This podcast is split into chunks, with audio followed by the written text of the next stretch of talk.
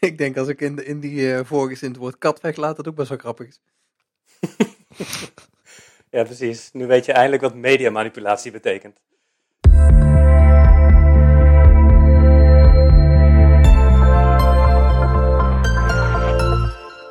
Oké, we hebben een uh, speciale uitzending van Uitgeklokt. We hebben een... Uh, twee weken geleden hebben we een aflevering over Scrum gedaan. En er zijn wat vragen gekomen. En een van de personen die ons iets vroeg was Michiel van der Ros. En die hebben eigenlijk... die had zo'n uitgebreide vraag die we gewoon wilden beantwoorden in een gesprek. dus die hebben wij uitgenodigd in deze uitzending. Dus hallo Michiel. Ja, dag Jan Kees en Roa. Misschien kun je iets over jezelf vertellen. Ja. waar kunnen mensen je van kennen? Hè? ja, precies. Misschien wel leuk. Ja, ik ben uh, Michiel van der Ros. Ik ben al heel wat jaartjes uh, web- en game developer. Werk vooral in JavaScript, dus aan de frontend van ja, websites of games, van alles en nog wat. Uh, de laatste drieënhalf of vier jaar ongeveer nu aan het freelancen. En daarvan sinds halverwege dit jaar bij een, bij een start-up aan de slag. Die eigenlijk dan nu even het onderwerp is van deze uitzending. Omdat we aan het overschakelen zijn naar Scrum en daar tegen bepaalde problemen aanlopen die je niet echt standaard in de boekjes kan vinden. Nou, het is eigenlijk zo dat ik nu um, sinds een aantal maanden aan de slag ben bij een start-up. Een op zich al wel redelijk forse start-up. We zijn nu met een kleine twintig mensen. we zijn daar een heel groot webhandelsplatform aan het bouwen. En er staat al een, een op zich helemaal functionele beta online. Maar er wordt nu gebouwd aan een uh, nieuwe versie, gebaseerd op nieuwe inzichten en dergelijke. En uh, dat wil men uh, heel graag op de Scrum manier doen. het support voor Scrum is dus heel breed. het komt eigenlijk niet van onderuit van de developers, hoewel ik er natuurlijk altijd voorstander van ben. Maar ook echt vanuit de hele organisatie is er veel support voor. En heeft ook bijna iedereen meegedaan aan een middag Scrum training die we laatst hebben gehad. Alleen we lopen tegen bepaalde problemen aan die ik eigenlijk niet echt in de standaard boekjes en dergelijke over Scrum tegenkom. Dus het leek me een goede om eens bij uitgeklokt neer te leggen. Ja, nou ik ben heel benieuwd. Uh. Ik, ik, ik, als, als eerste vraag vooraf, um, um, waarom, is er geko waarom is er gekozen om opnieuw te beginnen? Um, het huidige platform is ook niet het eerste platform wat is gebouwd, maar het is wel het eerste platform wat als beta live is gegaan. En dat is eigenlijk uh, parallel aan het ontwikkelen van het product uh, zo ontstaan. En om een aantal redenen is het geworden wat het nu uh, geworden is. Maar we merken nu bijvoorbeeld als er nieuwe mensen aan boord komen, dat het best even duurt voordat mensen daarin goed mee kunnen draaien. Um, dat is vanaf de development kant, maar dat is niet de belangrijkste reden. Ik denk dat de belangrijkste reden is dat er um, heel veel wens is om flexibel te zijn wat betreft nieuwe features.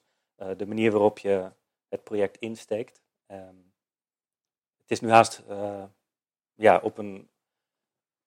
Er moeten gewoon zoveel nieuwe dingen nog gebeuren aan het platform, dat het erop lijkt dat het beter is om de basis met alle opgedane kennis opnieuw te leggen. Gaan jullie dan het, uh, je hebt zeg maar de, de beta-versie, ga je die dan eerst helemaal nabouwen in alle functionaliteit en dan verder? Of, of is er eigenlijk al in die basisversie al best wel wat anders? Um, het idee is eigenlijk om, um, wat betreft de kennis die is opgedaan, uh, zoveel mogelijk iets na te bouwen wat hetzelfde is als de huidige beta-versie.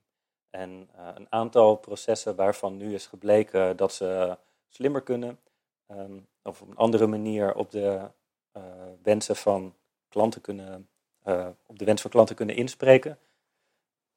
Om, ja, om, om dus bepaalde processen te veranderen.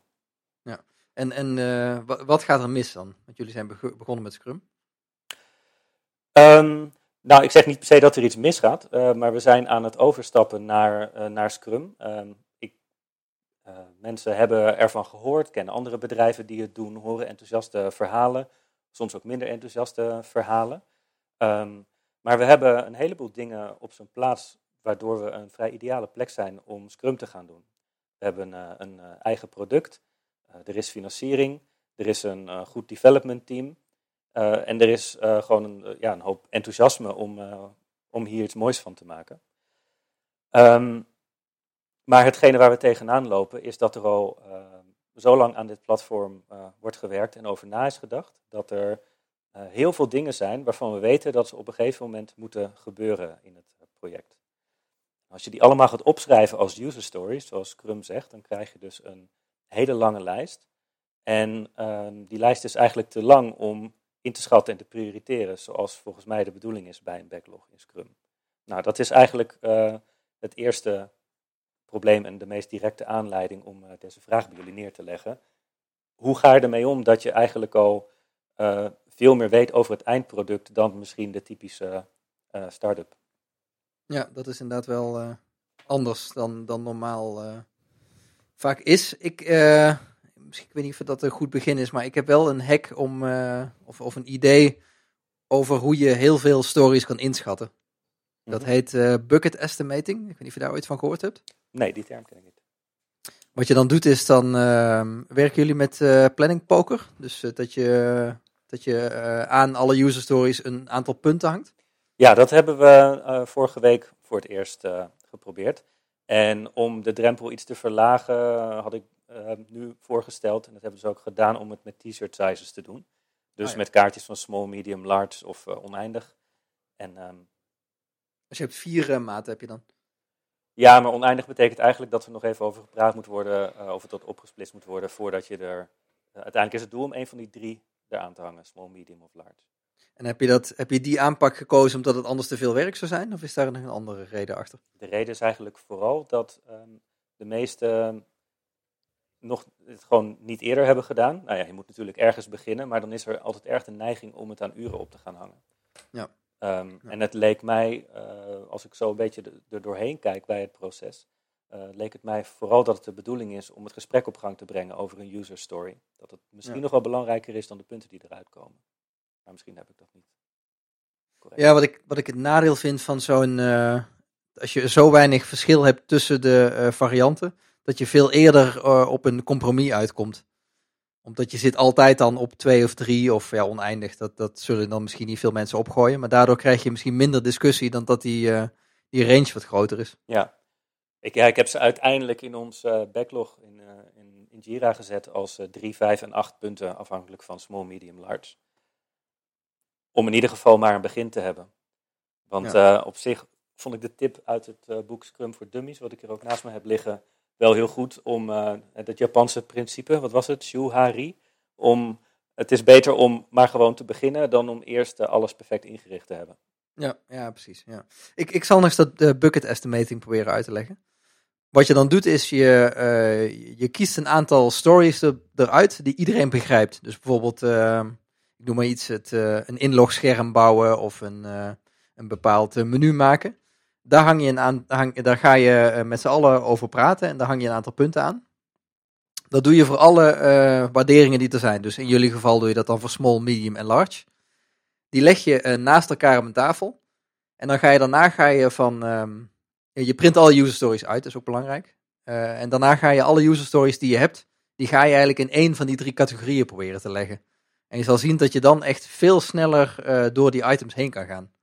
Je gaat met z'n allen om een tafel heen staan en je zegt: Oké, we hebben deze story. In welke van deze drie eh, vakjes past dat? Ja, oké. Ja, dus dan keer je het eigenlijk om. Dat, uh, in plaats van dat de focus bij elk. Uh, ja, het, ik kan me voorstellen dat het sneller gaat als je per verhaal zo het op een stapeltje legt. Dat is bucket estimating. En het voordeel is dan dus ook dat je. Op een gegeven moment heb je een soort kennis opgebouwd in één, in één waarde. En dan kun je dus ook heel makkelijk zeggen: Oké, okay, net hadden we dit, uh, hadden we ingeschat als large. En dit is eigenlijk ongeveer hetzelfde. Dus dan kun je hem daar weer in, uh, in zetten. En kan bucket estimating dan ook met punten? Uh, ja, ja, zeker. Ja. Um, je, hebt het over uh, in, in, principe uh, bijvoorbeeld 400 uh, stories. Um, wat ik aan zich nog niet zo'n um, zo'n schrikbarend aantal vind voor een, eh, voor een product wat je vanaf de grond op gaat bouwen. Dat kan best. Ehm, het is natuurlijk beter om het kleiner te maken, denk ik. Maar wat volgens mij een hele interessante vraag is, is hoeveel stories ervan hebben de hoogste prioriteit? En met hoogste prioriteit bedoel ik eigenlijk, wat is je korte termijn doelstelling? En uh, welke stories heb je ervoor nodig om die te kunnen bereiken? Wil je een MVP gaan maken? Moet het product gevalideerd zijn? Uh, moet, het, moet het klaar zijn voor een beta of een bepaald testgroepje of een sales traject? Daar, daar kun je natuurlijk, um, als je dat um, in oogschouw houdt, dan kun je het heel snel afkaderen. Ja, daar is ook best wel een, een hoop bewustzijn van. Um, ik, op zich, als het puur op de user stories af zou gaan, denk ik dat het minder dan een kwart is wat de hoogste prioriteit heeft. Maar er zijn allerlei zaken die met elkaar samenhangen. En misschien loop ik nu iets op mijn vragen vooruit, maar ik denk dat, er, um, dat het soms lastig is om, uh, om te zien hoe je met incrementele sprints uiteindelijk dat, dat einddoel gaat halen. En ik snap dat door, door agile te zijn, dat eindproduct er anders uit kan zien dan je nu kunt voorzien. Maar uh, kom je er wel met die, met die kleine stapjes? Of moet je soms ook dingen veel groter aanpakken vanaf het begin? Ja, ik, um, dat is natuurlijk altijd een, uh, een vraagstuk wat we bij Timey ook altijd wel gehad hebben. En wij kiezen daar altijd voor, uh, voor snelheid boven, um,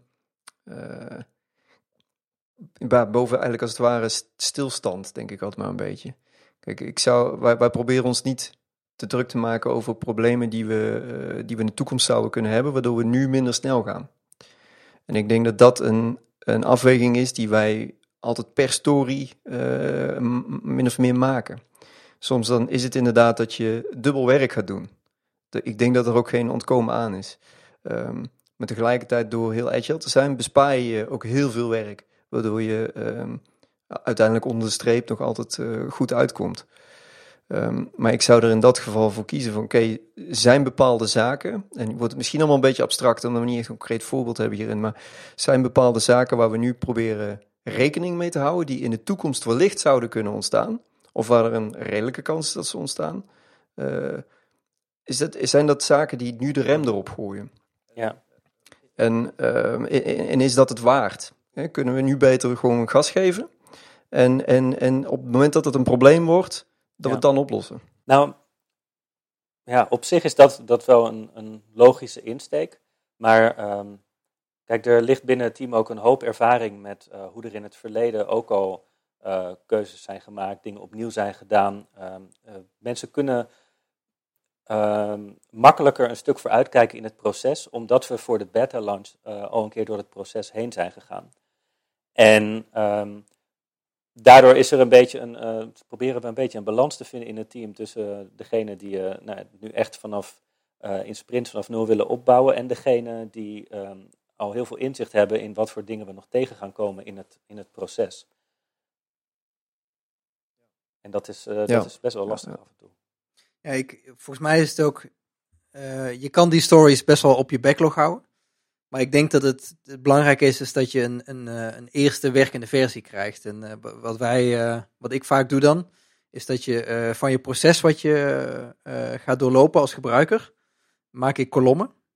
Mm -hmm. En alle user stories die passen onder één van die kolommen. Bijvoorbeeld het, het, registreren, het inloggen, het, of het waar, ik weet niet precies waar dit product over gaat, maar in ieder geval het ding van het product uitvoeren.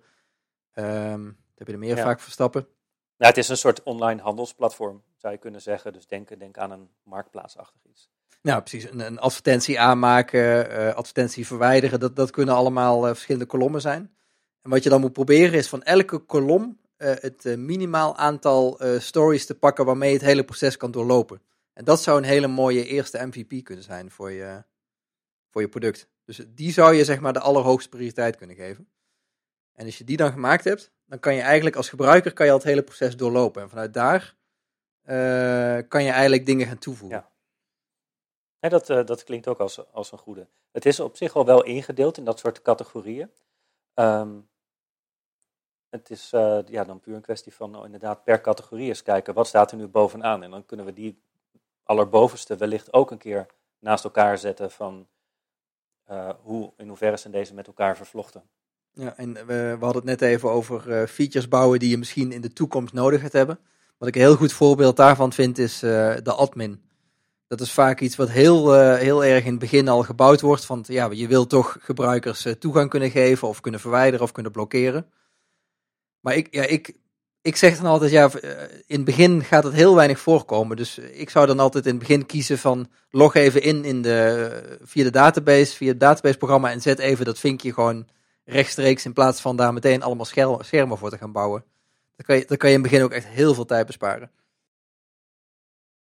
Ik, ik, ik denk dat, uh, wat ook wel interessant is, en misschien zijn we nu wat meer uh, algemenere tips aan het delen die je toe kan passen. Want ik denk uiteindelijk dat, dat wij heel moeilijk van op zo'n afstand kunnen beslissen wat het handigste is voor jullie als team. Uh, maar ik denk dat jij en jullie team dat straks wel kunnen. En ik denk dat er inderdaad al een paar dingetjes bij zitten die je eventueel toe zou kunnen passen. Volgens mij nog eentje die wel interessant is om eens naar te kijken is... Ik, we hebben het er wel eens in een uitzending over gehad volgens mij. Is dat um, epicenter design. Dus waar wij altijd naar kijken is het epicentrum van onze applicatie. Wat is het allerbelangrijkste wat deze, deze app, deze applicatie moet, moet kunnen doen? En daar beginnen we mee. Dus ik denk dat uh, samen met die, die kolommen waar Jan Kees het net over heeft, dat dat tezamen nog meer focus kan geven. Dus oké, je, kunt, je, moet, je moet inderdaad dat proces kunnen doorlopen. Um, maar ja, ik, ik denk uiteindelijk dat een advertentie bekijken of plaatsen, die combinatie bijvoorbeeld, die is belangrijker dan inloggen. En ik, ik snap inderdaad dat je in het begin wellicht moet kunnen inloggen om het ene te kunnen doen. Maar je zou dat, dat, dat eerste deel zou je al kunnen maken. Uh, en, al, uh, en al iets mee kunnen doen. Dat zou je kunnen gaan testen of gaan. Daar zou iemand anders alweer mee aan de slag kunnen. Uh, ik denk dat dat ook wel. Um, ja, het lastige is natuurlijk dat er al een beta-versie is die mensen al gebruiken. Dus die, het voelt dan in één keer als een stap terug op het moment dat je dit gaat lanceren. Juist, ja, en het is natuurlijk heel belangrijk dat ja. in ieder geval de meest gebruikte functies die al in de beta zitten, ook in de nieuwe versie komen. Um, en dat, dat is wel lastig. Daardoor leg je eigenlijk vast op dat, een, dat er bepaalde stories zijn die je moet halen, waar ze ook staan in de backlog, en alles tot op dat punt, um, om uh, die launch te kunnen doen. Ja, en je, uh, die, die, uh, die kwart waar je het er straks over had, hè, die kwart van hoge prioriteit, dat is eigenlijk min of meer die, die beta-versie. Um, of, of is dat, dat, dat ja, min of, min of meer. Nou, ik denk dat de beta-versie ja. is, is, best wel um, ja, feature-rich, kun je zeggen. Um, bijvoorbeeld zaken als dat je een plaatje kunt uploaden voor je, je product of voor je profielfoto en die bij kunt knippen en dat soort dingen. Um, ik kan me voorstellen dat dat dingen zijn die niet nu heel hoog in je backlog komen. Uh, en misschien zelfs ja. niet in een, uh, bij een volgende launch er, er, eventjes niet in zitten totdat ze uh, hoog genoeg naar boven zijn gekomen. Maar dat is puur een. dat dat kan ik me ook heel goed voorstellen. En die, die gebruikers ja. die nu die beta gebruiken, ehm, zijn, dat, zijn dat een soort testgebruikers die het, die het product testen en verder eigenlijk er weinig aan overhouden? Of zijn het eigenlijk al, die, bijvoorbeeld die advertenties die je maakt, waar je het net over hebt, zijn die ook al echt uh, te bekijken voor iedereen of zo? Of wordt dat, wordt dat al echt toegepast? Nee, dat wordt al uh, vrij serieus gebruikt. Er zijn al een paar echt grote partijen uh, inmiddels aan boord. Um, het is alleen, het grote verschil met veel andere sites is dat het puur toegankelijk is voor bedrijven. En um, het is dus ook niet zo dat iedereen zomaar die advertenties kan zien. Dus ook om je te registreren moet je een geregistreerd bedrijf zijn. Ja, ja, ja. Ja, ja. ja dat maakt het ook wel. Kijk, als het al echt gebruikt wordt en je gaat iets nieuws bouwen daarnaast, dan, moet, dan kan je eigenlijk inderdaad pas live op het moment dat je, dat je dezelfde functionaliteit of iets minder, maar in elk geval niet veel minder hebt. Ja, klopt. En je moet de oude data porteren, wat ook nog een uitdaging kan worden. Ja. ja. Ja, ik heb nog, nog een paar andere dingen om het uh, eventjes uit een andere hoek in te steken. Een paar, uh, paar vragen. Misschien is het uh, interessant om daarheen te gaan. Ja, leuk. Um, even kijken. Bijvoorbeeld de, de technische requirements. Er zijn vanaf de, vanuit het development team ook bepaalde, bepaalde eisen. qua hoe dingen worden opgezet en dergelijke. Het past eigenlijk niet in het verhaal van een user story. Maar het zou wel op de backlog moeten. Is dit dan iets wat je gaat beschrijven dat je in plaats van uh, als een bezoeker van de site begin je user story met als een ontwikkelaar wil ik zus en zo? Of, of zijn er andere manieren voor? Dat, uh, dat, dat, als een ontwikkelaar moet je altijd heel erg mee oppassen. Dan krijg je iets als developer value en dat kan dat in eens in de zoveel tijd is een uitzondering best wel oké, maar je kan er ook in doorslaan en dat, dat, dat, dat, is, dat is iets ja, dat moet je. ehm, ja, daar moet je mee oppassen, denk ik. Eh, ik kan me wel voorstellen dat je bepaalde zaken als een soort taak noteert, dus een chore, eh, waar je geen punten aan toekent. Ehm, maar ook, ook, ook daar moet je, moet, je, moet je heel erg mee oppassen. Ehm, ik zou nog altijd adviseren om zoveel mogelijk te vertalen naar een, eh, naar een user story en het onontkomelijke. Natuurlijk is er in het begin is er altijd, eh, altijd het een en ander op te zetten. Ik, ik denk, ja, Kees daar misschien meer over kan Nou, om het iets concreter te maken, ehm, ik kan zo geen user story verzinnen waaruit voortvloeit dat we onze plaatjes via een CDN-server aanbieden. Ja, ik zou, ik zou daar dus ook geen, ik zou daar geen losse story van maken. Ik zou dan het moment dat je dat, eh, dat je dat plaatjes upload gebeuren gaat maken, dan zou ik dus meenemen in die schatting dat je het al meteen gaat maken, zodat het in de toekomst ook eh, blijft werken. En als het dan nodig is om via een CDN te serveren, dan, dan zou ik dat ook gewoon meteen bouwen. Dus ik zou daar dan geen losse story van maken. Ja, op die manier. En het dan dus ergens anders een soort lijstje bijhouden van dat soort requirements. Ja, bijvoorbeeld in die, in, er zit eerst ergens een user story die gaat over het uploaden van bestanden. En dan zou ik dan eh, omschrijven van oké, als gebruiker wil ik een afbeelding uploaden, zodat ik die kan laten zien in mijn advertentie. Mhm. Eh, en dan zet je eh, bij de beschrijving, kan je dan erbij zetten, oké, we gebruiken, we gaan dit via een CDN doen en we, het moet ook, de gebruiker moet het ook kunnen kroppen bijvoorbeeld. Dat zijn dan eisen die, die, die je hebt meegenomen op het moment dat je die schatting hebt gegeven. Oké. Ehm, dan zitten we met het punt dat we een paar teamleden hebben die niet developer zijn. Bijvoorbeeld de UX'er, designer. Eh, maar we, hadden, of we hebben ook iemand die ehm, elke dag, eh, of eh, nou, bijna elke dag bezig is met testen. En dat was in, de, in, in een bugfix fase, is dat, is dat heel concreet wat zo iemand kan doen in het team. En ehm, we zijn nog een beetje aan het puzzelen met hoe zo iemand tijdens een sprint ingezet kan worden. Uh, op zich hebben we wel het een en ander ontdekt. Uh, ja, dat je de definition of done en acceptatiecriteria daarvoor kunt gebruiken. Maar het klinkt alsof dat in zoveel detail gaat, dat op het moment dat het uh, development team en de tester en de product owner dat met elkaar moeten gaan afstemmen, um, voor mijn gevoel al zo exact dingen gaat vastleggen, dat, dat je die, ja, die flexibiliteit, die vrijheid die eigenlijk een beetje bij Scrum hoort, dreigt kwijt te raken. Snappen jullie wat ik daarmee bedoel? Ja, volgens mij is dit een hele goede vraag die Roland kan beantwoorden, omdat hij ook uh, ontwerper is en inderdaad ook niet altijd uh, volledig uh, zijn tijd besteedt aan de, de dingen in de huidige sprint. Ja, volgens mij zitten er zitten, zijn meerdere vragen in één, denk ik. ik, ik want inderdaad, uh, ik, het, het, verschilt per rol. Maar ik ben niet, uh, inderdaad niet altijd bezig met werken van de backlog. Uh, ik, ik, ik doe dat zelf wel. Ik HTML en CSS ook dingen, maar ik ben geen, geen coder. Ik kan geen Ruby of PHP schrijven. Dus ik werk wel soms aan stories in de backlog. Maar soms ook bijvoorbeeld twee sprints niet. Dan werk ik echt alleen maar puur aan design. En dan dan, dan verschilt dat heel erg. Soms ben je schets aan het maken voor iets wat we misschien ooit willen gaan doen. Een idee. En om dat wat concreter te maken voor het team. En soms ben je bezig met het, uh, met het echt ontwerpen van een concrete story die de komende sprint op de planning staat, bijvoorbeeld. Um, zo werk ik zelf. Uh, voor een tester kan ik dat, kan ik dat moeilijk beoordelen. Ik, uh, het, zelf heb ik daar niet super veel ervaring mee. Het werken met testers, teams waar ik in gezeten heb, dan hebben we altijd zelf heel veel getest. Ik denk dat dat ook, ik denk dat het ook gewoon, dat dat ook goed is. Um, ik, ik hoor je daarnaast iets zeggen over de definition of done. En wat ik eruit begrijp is dat die heel erg gedetailleerd is. Nou, ik vind het nog vrij lastig om die op te stellen. Uh, zeker nu de tester aangeeft dat hij um, uh, het liefst wil dat de definition of done zo concreet mogelijk is, zodat hij daadwerkelijk testscenario's kan gaan ontwikkelen daarvoor.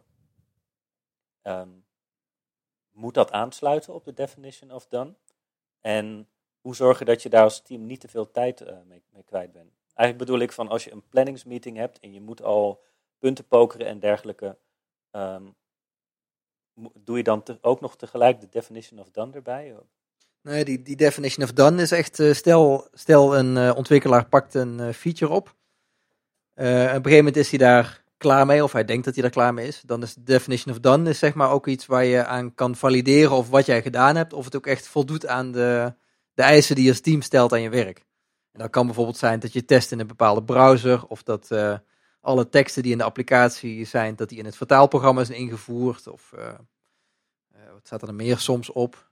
Um, dat, je, dat je de laatste PHP of Rails syntax gebruikt.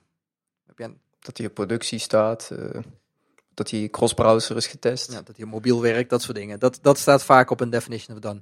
Dus dat is eigenlijk een soort checklist waaraan je kan, waaraan je kan en moet checken als je een, een feature gemaakt hebt of, of het helemaal goed is. Ja. En die bestel je in principe, stel je die in het begin van het traject op. Dus nu voor jullie zou een goed moment zijn of zo, oké, dit is onze definition of done. Ik zou hem ook niet te lang maken. story is het toch? Nee, dat is echt, uh, dat is, dat is, al, dat is gewoon, uh, ja, je hele, uh, dat is, um, hoe moet je het zeggen, backlog breed om het maar zo te zeggen. Je stelt hem één keer op, je schrijft hem op de muur en die geldt voor alle stories. Oh, oké, juist ja. Dus zaken als ja. het moet werken op tablets, het moet werken in ja. die en die, browser. Ja, dan moet je ook echt specifiek zijn. Dan moet je dus zeggen, op dit tablet, in deze browser, dat je echt gewoon die, die browser erbij kan pakken, kan testen of het ding werkt en dan klaar. Dus je moet, het niet, je moet niet zeggen van dat het op alle mobiele apparaten werkt of zo. Dat is heel lastig om te testen. Mm -hmm. en, en, als je het dan hebt over. Sorry. Oh, sorry. Uh, nee, ik vroeg me af wat dan het verschil wordt tussen uh, definition of done en acceptatiecriteria. Of overlapt dat?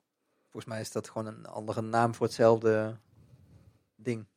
Oké. Of is acceptatiecriteria, wacht, is dat, is dat iets wat je bij een story opstelt misschien? Rohan, weet jij dat? nee, ik heb, uh, ik heb geen ervaring met acceptatiecriteria. Um, ik kan me voorstellen dat je als team zijnde. Uh, ja, ik, ik weet niet precies wat acceptatiecriteria zijn, maar ik kan me voorstellen dat wellicht een, een, een uh, uitgebreide lijst en. Ja, volgens mij, ik, het begint mij wel iets te dagen. Volgens mij zijn er teams die bij elke user story een lijst maken met criteria waaraan die voldaan moeten worden en dan pas is het yes, af. Ja. En dat betekent dus eigenlijk dat je uh, nog iets concreter uh, erbij zet. Bijvoorbeeld, ik zag als voorbeeld uh, staan in een artikeltje van Treehouse volgens mij, um, dat als je bijvoorbeeld zegt van ik wil een login knop waarmee ik in kan loggen, dan is een, een of, of ik wil een log-out knop waarmee ik uit kan loggen, um, dat een, een van de acceptatiecriteria dan is dat die knop ook daadwerkelijk op elke pagina bereikbaar moet zijn nou, dat soort, dat soort details, um, waarmee je dus wat concreter maakt en eigenlijk voorkomt dat er misinterpretatie van user stories plaatsvindt. Dacht dat het een beetje in die ja. richting was. Ja, dat, ik kan me wel voorstellen dat het inderdaad kan helpen. Maar, maar goed, uh, zoals de, het Agile Manifest ook zegt, het gaat niet om, uh, om terminologie, maar om, uh, maar, ja, om samenwerking. samenwerking en om het proces, toch? Niet om het proces, maar om het product. Ja, ik zou, ik zou daar ook in, in, in principe moet je daar ook in uitvogelen wat het team het fijnste vindt, denk ik. Probeer het eens. Wees er kritisch op. Werkt het niet, werkt het wel? Vinden we het fijn, vinden we het niet fijn? Uh, zorgt het voor, voor een hoop overhead uh, of, uh, of, of juist niet? Zorgt het dat we heel doelgericht werken? Zorgt het bijvoorbeeld ook voor minder bugs? ik, ik, het is een kwestie van uitproberen en zien wat fijn werkt, denk ik. Ja, wat ik... Maar er zit wel een verschil tussen een, een definition of done en, en, en dit dan. Ja, ja. Ik, ik, kan me wel voorstellen dat het kan werken, hoor. want ik, ik heb wel vaker gezien dat een user story heel semier wordt opgeschreven. En dan is het eigenlijk heel, dan hang je daar bijvoorbeeld, weet ik veel, 15 punten aan of 20 punten aan. En dan daarna denk je van, hé, maar dit, dit kan je toch super simpel oplossen. En dan blijkt dat je eigenlijk eerder over een hele andere oplossing hebt gehad. Bijvoorbeeld net, je had het net over die CDN. Als je dat niet erbij schrijft, dan degene die dat gaat oppakken, die denkt gewoon van, oké, ik zet gewoon daar die plaatjes neer, dat is klaar. Ben ik in een uur ben ik klaar. Dus en als je dan inderdaad die acceptatiecriteria's hebt, dan, dan maakt het wel duidelijk waar, waar, je, waar je over hebt gepraat in, de, in die meeting daarvoor. Het, het, is inderdaad what's in a name. Uh, ik merk bij heel veel teams dat er een, uh, een soort oplossing beschreven wordt naast de story. Dan is de story die is besproken in een uh, refinement. En dan wordt de oplossing of hetgene wat er besproken is, uh, wordt, dan, wordt dan op een rijtje gezet en wordt een soort, soort scope bepaald. Ja, misschien is dat min of meer hetzelfde als, uh, als het opstellen van acceptatiecriteria. Ja. Wat ik ook nog uh, heel even terugkomen op dat wat een ontwerper kan doen in een, in een sprint, omdat hij niet volledig zijn tijd waarschijnlijk steekt in, in alle dingen die in die sprint gedaan moeten worden. Wat ik heel erg merk als, als ik met Roland samenwerk, is dat op een gegeven moment hebben we een planning sessie en dan gaan we, gaan we stories inschatten die, die in de toekomst gaan plaatsvinden. En wat ik dan heel erg fijn vind, als er al een aantal schetsen zijn gemaakt van mogelijke oplossingen. Dus dan, dan, dan legt Rowan die op tafel. Kijk, we hebben deze oplossing, we hebben deze oplossing, we hebben deze oplossing. En dan heb je in één keer iets heel concreets om over te praten. En dat is natuurlijk ook iets wat een ontwerper heel mooi, mooi kan faciliteren. Ik heb er nog wel een aanvulling op, denk ik. Want wat ook wel, uh, wat ik zelf ook heel fijn vind, maar wat ik ook merk wat developers ook heel fijn vinden, is, is, het, is het pair programming. En wat ik zeg, ik ben geen programmeur.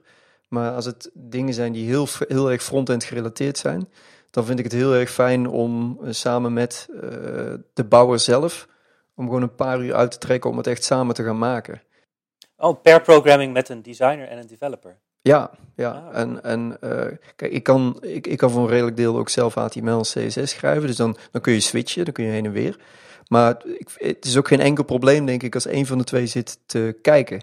Uh, soms dan gebeurt het en dan zijn we bezig en dan merk ik van dit is niet helemaal lekker. Dan kan ik ondertussen nog even iets schetsen of ik kan een andere icoon gaan zoeken of we, we komen erachter dat er nog een of andere status niet ontworpen is. En dat soort dingen die, die doe je dan allemaal ter plekke. Um, en het is niet zo dat dan één van de twee echt uit zijn neus zit te peuteren of zo. Maar je, je merkt dat je sneller uh, tot je doel komt. Dus um, ook, ook dat inderdaad per programmen met een designer, uh, met een UX'er of een visual designer of je het onderscheid niet maakt, beide tegelijk. Of, um, of misschien met een tester. Misschien zelfs ligt dat, dat ook inderdaad, zat ik te denken. Ja. ja. Ik vind dat ook heel, heel, heel fijn in, de laatste, in het laatste stadium van een feature. Als die bijna af is, ga ik bijna altijd nog even met jou even er doorheen van... Oké, zie jij nog dingen die niet kloppen? Hebben nog uh, line heights die niet kloppen? Of rare paddings of kleurtjes of zo? Ja, ik, ik vind bijvoorbeeld ook heel fijn om... Uh, uh, inderdaad, wat je zegt, dan, of, of we doen het samen, of jij gooit in mijn kant op van hé, hey, ik eh, ben bijna klaar, eh, kun je er eens, uh, eens doorheen harken? En dan ga ik er inderdaad doorheen om, om bijvoorbeeld wat dingetjes recht te zetten, of, uh, of dan, dan, dan, dan ziet iets anders in de browser eruit dan dat ik, in, dat ik, dat ik verwacht had, dus dan passen we dat daar nog eventjes aan. En dat, dat vind ik heel fijn werken. Dus, en zo ben je als ontwerper met heel veel verschillende zaken bezig, denk ik, tijdens zo'n sprint. Dat verschilt heel erg. Je vliegen, vliegende ja. keep eigenlijk. Ja, maar wel me, inderdaad. Ja, ja vliegende kip is wel een goede. Je hebt, je hebt één hoofdzaak waar je aan werkt. Maar toch doe je ook nog een heleboel, uh, heleboel daaromheen. Persoonlijk vind ik dat de fijnste rol binnen, het, uh, binnen zo'n team op, uh, als, als ontwerper. Ja, ook al is het natuurlijk maar een deel van je tijd. Omdat je het grootste deel toch voor jezelf bezig bent. Maar om dan op een gegeven moment echt één op één zo betrokken te zijn bij de ontwikkeling. Ja, ja, ja. ja, ja. En, en dus soms je... Uh, zul je misschien dan, um, uh, dat was namelijk ook een vraag die ik had staan, uh, flowcharts hebben over hoe een bepaald proces werkt. Hè. Neem bijvoorbeeld een, een, registratieproces met wat stappen, van dan komt een mail binnen en je gaat terug naar het platform, et cetera, een wachtwoord vergeten. Um, werk je dat soort flowcharts dan altijd om naar user stories op een gegeven moment? Of zou je ook kunnen zeggen, nou jongens, we gaan nu punten toekennen aan deze flowchart in plaats van het helemaal op te schrijven? Boah, um, dat vind ik moeilijk. Ik zelf werk ik niet zo super veel meer met dat soort, uh, dat soort flowcharts en, en, en, bijvoorbeeld wireframes of, uh, of dat soort zaken. Dat wel allemaal wat, wat toegepaster. Um, het, het ligt heel erg aan wat het proces is. Als, je het, uh, als het proces in één keer gemaakt moet worden, dan zou ik, het, zou ik de flowchart combineren met een story. Maar ik kan me ook heel goed voorstellen dat sommige processen ook uh, gedeeltelijk gemaakt kunnen worden. Dus dat je zegt van nou, we maken eerst stap 1 en 2 en dan voegen we later stap 3 aan toe. Bijvoorbeeld, want die is niet essentieel. Of, of we, voegen het, we doen het eerst allemaal op één pagina en daarna dan, dan hakken we het op in een soort flow. Waardoor je sneller resultaat hebt. Uh, en je kan, je kan het in kleinere storytjes ophakken, waardoor het beter te in te schatten is, waardoor je minder snel uitloopt.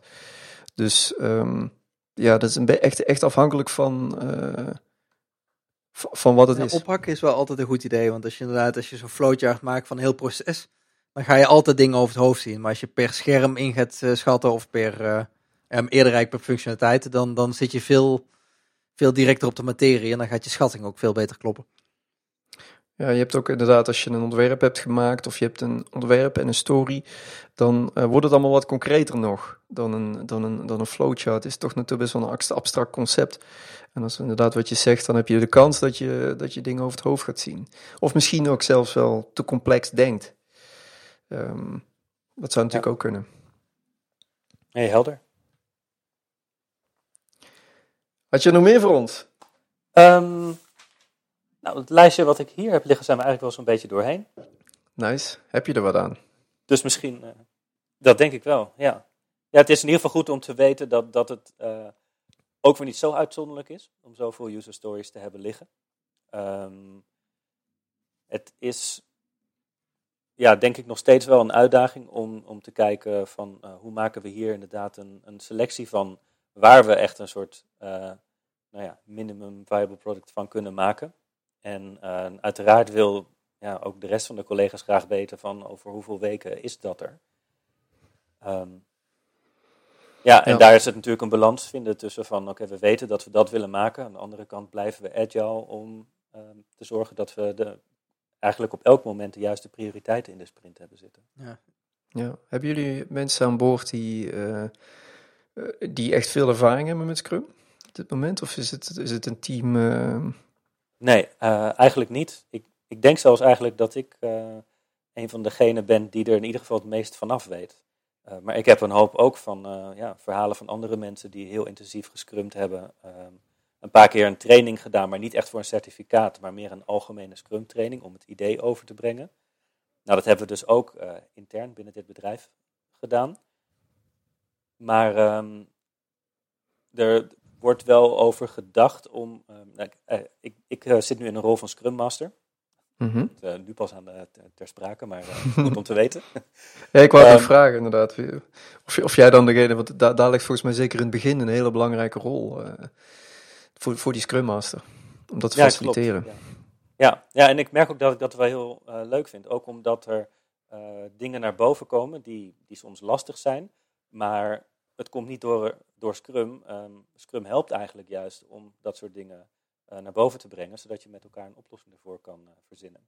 Maar we zijn eigenlijk dan nu een pilot aan het doen ermee. Um, we proberen het zo goed mogelijk uh, te doen. Um, en, en, en ja, nu steeds meer focus te krijgen op de user stories die in de huidige sprint zitten. En um, het idee is dat ik het langzaam overdraag aan iemand anders die ook nog wat meer tijd ervoor vrij kan maken, aangezien development ook hard nodig is. En mocht dat nou toch niet uh, werken, dan is er eventueel zelfs nog de optie om iemand extern erbij te betrekken die uh, echt als, als Scrum Master helpt om dat proces nog beter te implementeren. Ja, ik kan me wel voorstellen dat het in het begin inderdaad best wel, zeker als je met zo'n start, dat, dat het best wel veel tijd zou kosten. Maar op termijn zou je er wel heen willen, denk ik, dat een Scrum Master niet fulltime Scrum Master is. Maar bijvoorbeeld toch wel voor een heel groot deel van zijn tijd ook gewoon mee kan draaien. Voor de duidelijkheid, ik ben er ook niet fulltime mee bezig hoor. Maar okay, het is wel ja, continu ja. in de achtergrond en ik ben daar, uh, ja. ik denk, ja, misschien een paar uur nu per dag mee kwijt. Ja. Ja, misschien een kwart van mijn tijd. En ik weet dat het het streven zou zijn om een beetje richting de 10% uh, te gaan. En, maar ze snappen ook heel goed dat het nu meer tijd kost, omdat we de boel op de rails moeten krijgen. Ja, dat is loopt, ook heel logisch we hebben een product waar al die basisdingen in zitten. En we kunnen echt agile uh, schakelen van waar gaan we nu aan werken. Dan is de rol van de Scrum Master alweer een stukje kleiner. Ja, zeker. Omdat het team meer zelfsturend wordt. Als het team ook heel erg. Ehm, als het team meer ervaring krijgt, en meer gevoel krijgt van hoe het werkt, dan, dan zie je gewoon dat, uh, dat die rol van die Scrum Master steeds minder belangrijk wordt. Wordt gewoon iedereen wordt Scrum Master op een gegeven moment. Ja, precies. Ik heb in, in dat, dat is waar je heen wil. In ervaren ik. teams waar ik in heb gezeten, was op een gegeven moment gewoon niemand meer Scrum Master. Dat, was, dat, dat regelden we gewoon met z'n allen. Ja. Dat, dat was eigenlijk ook wel een fijne situatie. Ja, ja. Ik heb ook wel eens in teams gezeten waar iedere sprint iemand anders het was. Ja. Gewoon voor de afwisseling. Dat is ook wel leuk. Dus, ja, uh, nou dat zou heel mooi zijn om daarheen te gaan.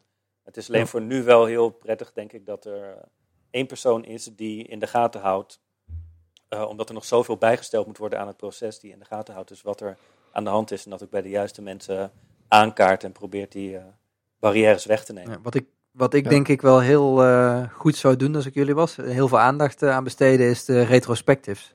Hebben jullie dat al een keer gedaan? Nee, dat zou, um, dat zou dan komende vrijdag voor het eerst zijn. Tenminste, ik zat te denken aan begin van de middag demo en daarna een retrospect. Ja, dat is een goede volgorde. Ja. Moet daar meer tijd tussen zitten? Uh, nee. nee. goed idee. Kan het meteen daarna. Het is altijd eerst inderdaad demo, dan retrospective en daarna ga je een nieuwe sprint uh, plannen. Ja. Hebben jullie misschien wel tips voor een retrospective van hoe je dat insteekt? Ja, wat wij heel vaak doen is, eh, en wat ik ook heel goed vind werken, is eh, eh, drie kolommen maken. Eén met... eh, Je bent wel van de kolom, hè? ja, dat is meerdere keren al aan bod gekomen. Ja. Het is al de derde keer dat we drie kolommen hebben. Ja. Dan maken we kolommen met eh mad, sad en glad. En dan kan iedereen schrijft eh, eh, stickies met eh, dingen die gebeurd zijn in die sprint. En die plakt hij dan in een van die drie kolommen. En daarna gaat dan eh, één iemand gaat met zijn, met zijn hand langs al die stickies af. En dan praat je eigenlijk over alle dingen die je opschrijft. En het leuke daaraan vind ik dat mensen zijn heel snel geneigd om iets op te schrijven. Eh, en dat dan op te plakken. En dan moet je het er automatisch daarna ook over gaan hebben. En als je, ik heb ook wel vaak een retrospectief gedaan waar je gewoon in een kring gaat zitten en om de beurt wordt verteld. Dan komen er veel minder dingen aan bod. Dus met die, met die stickies, dan, dan wordt gewoon over veel meer dingen gepraat. En mensen moeten dus gewoon eh, alles durven op te schrijven en ophangen. Eh, en daar krijg, geef je aan het begin dan vijf minuten voor of zo. Ja, vijf of tien minuten. Maar ja, het kan inderdaad alles zijn. En ik, ook persoonlijke dingen. Bijvoorbeeld als iemand eh, dat je eh, vervelend bent, vindt dat je in de file hebt gestaan. Of dat je blij bent dat je eh, dat- de sprint gehaald is of niet gehaald is. Dat Ja, soort dingen kan je ook allemaal Fantastische koffie op kantoor. Of, kan, kan, kan in principe kan er allemaal op. En ik denk wat wel heel belangrijk is om niet te vergeten, is dat er ook die persoon die dan, die dan dat, die het faciliteert, dus die even zorgt dat, dat, het, dat het alles afgewerkt wordt, ook ehm, probeert concrete actiepunten naar boven te halen. Het is natuurlijk tof om het te bespreken, maar het is natuurlijk helemaal mooi om het probleem ook echt op te lossen. En eh, waar, waar mogelijk zou ik altijd zoeken naar, oké, we hebben het er nu over gehad. Wat zouden we kunnen doen om dit te voorkomen in de toekomst? Kunnen we iets concreets doen of moeten we iets in de gaten houden? Of, eh, en die punten ook gewoon op een andere plek op een geeltje te schrijven en op te hangen. En aan het einde van de sessie eigenlijk te verdelen onder de groep van oké, iedereen die krijgt een geeltje of die, die kan bepaalde zaken oppakken. Ehm, waardoor het heel concreet eh, mee aan de slag gegaan wordt, denk ik. Ja, een voor, voorbeeld kan bijvoorbeeld zijn dat je in Met ophangt dat, de, dat we werken met oude software of zo. En dan kan een actiepunt kan zijn dat iemand ervoor zorgt dat die software geüpdate wordt. En dan, dan, eh, dan, dan pak je daar echt iets uit die retro, dat wordt dan gefixt. En dan in de volgende retro zullen mensen waarschijnlijk er blij om zijn dat iemand het gedaan heeft. Ja, wat nog En- een hele... Oh, sorry. Eh, eh, ga jij eerst maar. Nou, wat ik zelf ook nog een mooie variant vind, als je, ehm, ehm, ik weet niet hoe lang, hoe lang jullie al aan de gang zijn, of dat er iets is, eh, wat het misschien lang geleden is dat er een retro is gedaan, dan kun je ook eh, de, een soortzelfde variant, waarbij je een time, tijdlijn doet. En ehm, eigenlijk pak je de periode vanaf het laatste moment dat je retro hebt gehad, of het moment dat je begonnen bent tot nu, Ehm, en dan hang je eigenlijk in de tijd op diezelfde geeltjes, ehm, hang je op de, de, de zaken die, die je goed of slecht of waar je boos over bent, eh, die hang je allemaal op. En dat kan heel erg helpen als het, als het ehm, langer dan twee weken eh, bestrijkt. En dan zie je ook vaak in zo'n tijdlijn zie je al een beetje terug, zie je een soort sentiment terug. Ehm, ik heb dat met, met groepen gedaan die, die al acht weken onderweg waren. En dan, is het, dan kan dat ook wel helpen. En dan duurt zo'n sessie ook altijd wel langer. Ehm, Ja. Dat is soms, soms fijn. Maar ik zou natuurlijk altijd voor de, gewoon de, de twee wekelijkse eh sprint retro gaan. Maar misschien is dit ook wel handig. Maar ja, officieel zit, zitten we nu in eh, sprint 1. En Ja. eh, we hebben daarvoor ook wel periodes gehad die we sprints noemden, waarin we ook wel stand-ups deden en dergelijke. Maar, eh, en, en zelfs een, een boord hadden met, er is die weer, drie kolommen. Ehm, maar dit, dit is nu pas voor de eerste keer eigenlijk sinds die cursus en het opstellen van user stories dat we echt in een sprint zitten. Maar Ja. dat is wel boeiend, denk ik, inderdaad, om ehm, over een sprintje of drie, vier ook eens naar zo'n tijdlijn te kijken. Ja, en ik- zo'n retrospectief is in elk geval in het begin echt ook super belangrijk om gewoon ook over het proces te hebben. Eh, wat vinden mensen van de rollen? Scrum Master heeft iedereen het werk te doen en wat hij wil doen. En, eh, Mhm. Dat is een perfecte plek ervoor. En ik neem aan dat ik online kan ik wel eh, lijstjes vinden met nog slimme vragen om een beetje de gedachten los te maken bij mensen. Er is een heel goed boek over geschreven. Dat heet eh, Agile Retrospectives, volgens mij. Dat is geschreven door één of twee dames. Mhm. En ehm, ja, daar, daar staan ook allerlei varianten in. Ook in Scrum for Dummies staan ook allerlei eh, variaties van ja, min of meer spelletjes die je Ja. kunt doen om, eh, om de bol los te krijgen. Dus ehm, ja, ja. de kracht van Scrum heb ik hier ook nog liggen. Als boekje. ja, dat ken ik niet. En ehm, wat voor partijen zou je bij zo'n retrospective eh, betrekken? Is dat alleen het dev team en product owner of misschien ook nog iemand daarbuiten? Die wellicht een beetje uh, wil zien hoe het gaat met het bedrijf. In principe is het alleen het dev team en de product owner uh, mag er wat mij betreft ook uh, bij zijn. Alhoewel er ook sommige teams zijn die zeggen van we willen de product owner er niet bij hebben, omdat we ook praten over dingen die, die misschien niet wil horen of zo. Ja, nou ja, goed, wij zijn natuurlijk bezig met een intern product. Ik kan me voorstellen dat bij een externe klant dat, dat inderdaad een overweging zou zijn. Ja. Ik heb hem graag altijd erbij, omdat het gewoon, hij ook uh, beslissingen kan nemen die, uh, die voor het team goed zijn. En, uh... Ik denk dat dat afhankelijk is van de band die je hebt met je product owner. Um, als die intern is, dan, uh, dan is dat volgens mij een stuk makkelijker dan wanneer die extern is, bijvoorbeeld. Maar in principe is het het dev-team en op uitnodiging de, de product owner. Als je het hebt over andere stakeholders of mensen van buitenaf, uh, die wil je toch meer uh, voor een demo uitnodigen om feedback te geven. En meer feedback te geven op de, op de, op, op, in, op de inhoud dan op, dan op het proces.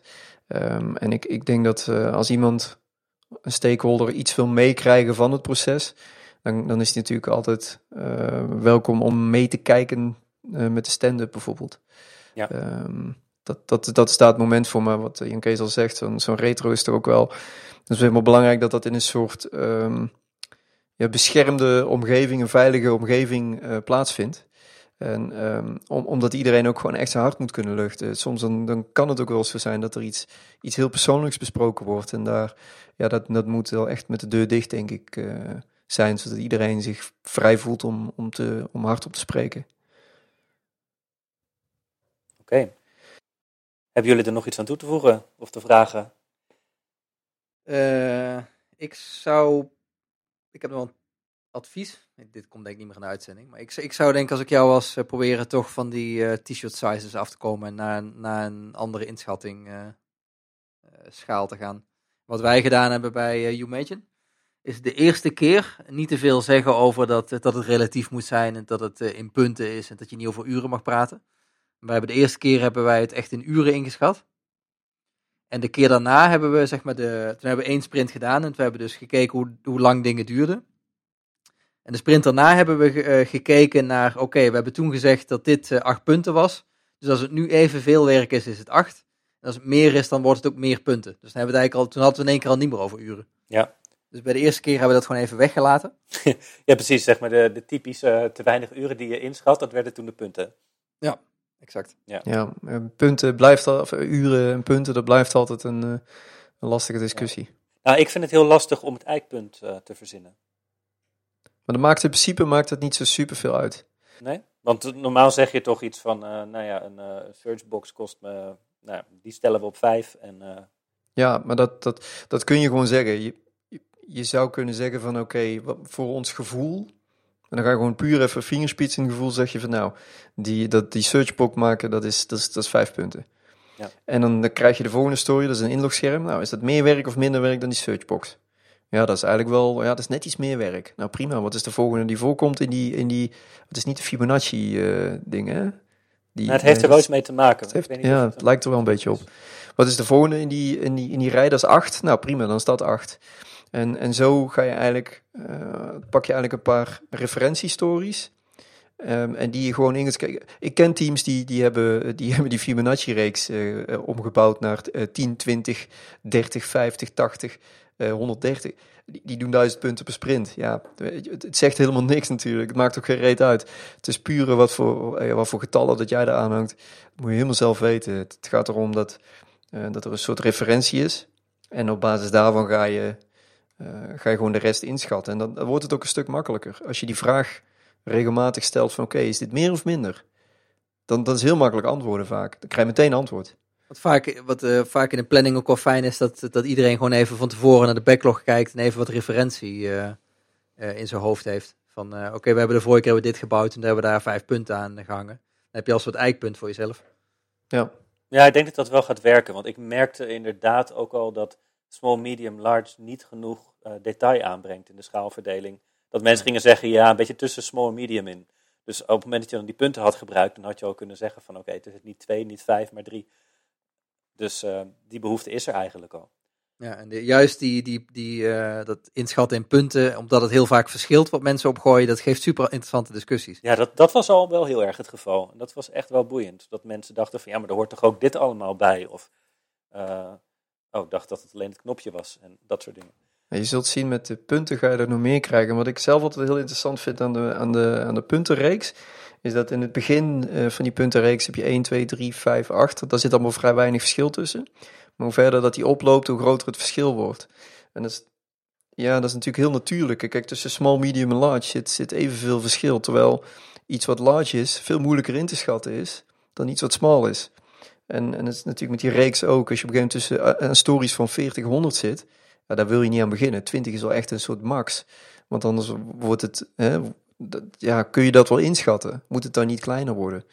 Ehm, ja, dus ik, dat vind ik altijd heel interessant ook aan die, aan die puntenreeks. Ik, ik was laatst nog met iemand die was, die was gewoon in aan het schatten met eh 1 tot en met 15. En die pakte gewoon ja, 14, 13.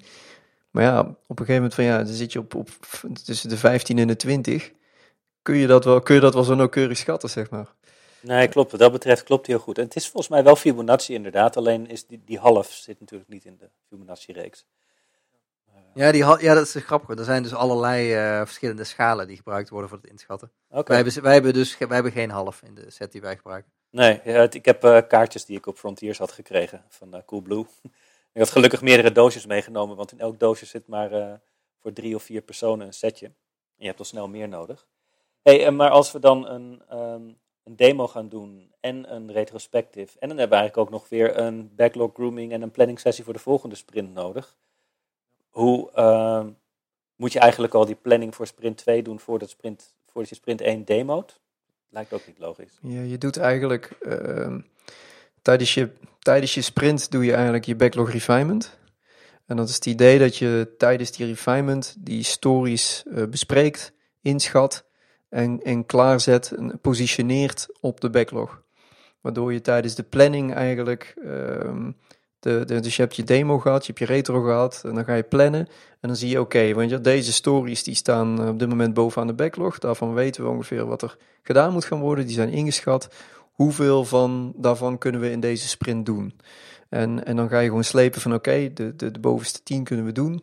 Nou, zijn we het er allemaal over eens? Kunnen we daar de hand op schudden dat we dit kunnen gaan, gaan doen? Maar in principe ben je in die planning, ben je, ben je, moet je niet meer, eh, hoeven de kaarten eigenlijk liever niet meer voor de dag te komen. Eh, het inschatten moet al eigenlijk allemaal al gebeurd zijn in die eh, refinement sessie. Dus zie, zie je vaak wel dat er natuurlijk met voortschrijdend inzicht tijdens een demo bijvoorbeeld wordt er iets geroepen wat heel hoog prioriteit heeft. En dan moet je nog iets inschatten voor die sprint. Dat kan natuurlijk gebeuren. Maar in principe wil je dat zover mogelijk klaar hebben. Oké, dus de refinement is eigenlijk meer de plek voor poker dan de planning sessie. Ja, zeker. Ja. Ja, het liefst wel. En dan kun je gaan kijken. eh, soms, ik kan me voorstellen dat jullie in het begin best wel veel refinement nodig gaan hebben. Want je kunt er ook voor kiezen om te, bijvoorbeeld te beginnen met zo'n bucket estimate. En dan kun je zeggen van nou, ik, schatten alles in of we schatten een deel in. Eh, en, en vervolgens gaan we de rest van die stories gaan we tijdens de refinement eh, inschatten. En, en tijdens zo'n planning in principe wat je doet is, is eigenlijk een soort controle. Van nou, deze stories gaan we doen. Laten we ze nog eventjes doornemen. Zo, weet je wel, zijn we er nog over eens wat we toen besloten hebben. En, en dan handje klappen en dan ga je beginnen. Ah, Oké, dat is wel een goeie. Dat planning meer een soort controle is. Dus eigenlijk is dat ook een stuk kortere meeting. Ja, ja in principe eh, zou die heel snel moeten kunnen. En, Maar het is wel de meeting waarin je eigenlijk de streep zet van eh, tot hier gaan we in deze sprint stoppen, toch? Ja, je maakt de sprint aan, je zet alle stories erin en eh, je zegt dit gaan we doen. Je, je commit als team eigenlijk van eh, dit wordt het werk wat we deze sprint gaan opleveren. ja, je bespreekt eigenlijk even van oké, hoe is de bezetting deze sprint? De komende twee weken Eh, zijn er mensen met vakantie? Eh, zitten we op 80%? Zitten we op 100%? Zitten we op 120%? Wat kunnen we doen? Wat hebben we normaal gezien? Wat is onze velocity? Weet je wel, doen we normaal gezien 50 punten per sprint. We zitten op 100%. Nou, dan moeten we nu in principe ook 50 punten, of misschien zelfs wel een beetje meer, want we worden beter. Ehm, nou, en dan maak je daar een, een inschatting op. Wat wel helpt is, ehm, dat doen wij ook heel vaak, is een trucje dat heet eh, Fist of Five. En ehm, je, je doet eigenlijk een soort steenpapier schaar, maar dan met eh, 5, 4, 3 of twee vingers.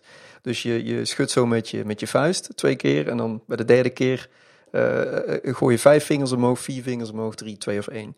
Als je één omhoog gooit, dan zeg je, dat gaan we absoluut niet halen. Als je ze alle vijf omhoog gooit, dan zeg je, makkie, dat gaan we makkelijk halen. En zo besluit je eigenlijk met z'n allen op een heel snelle manier van, eh, kunnen we dit gaan halen? Ja, oké. Nice. Dus dat is eigenlijk weer een, een soort poker, maar dan anders. Ja, Ja. waardoor je, je vermijdt daardoor een hele lange discussie.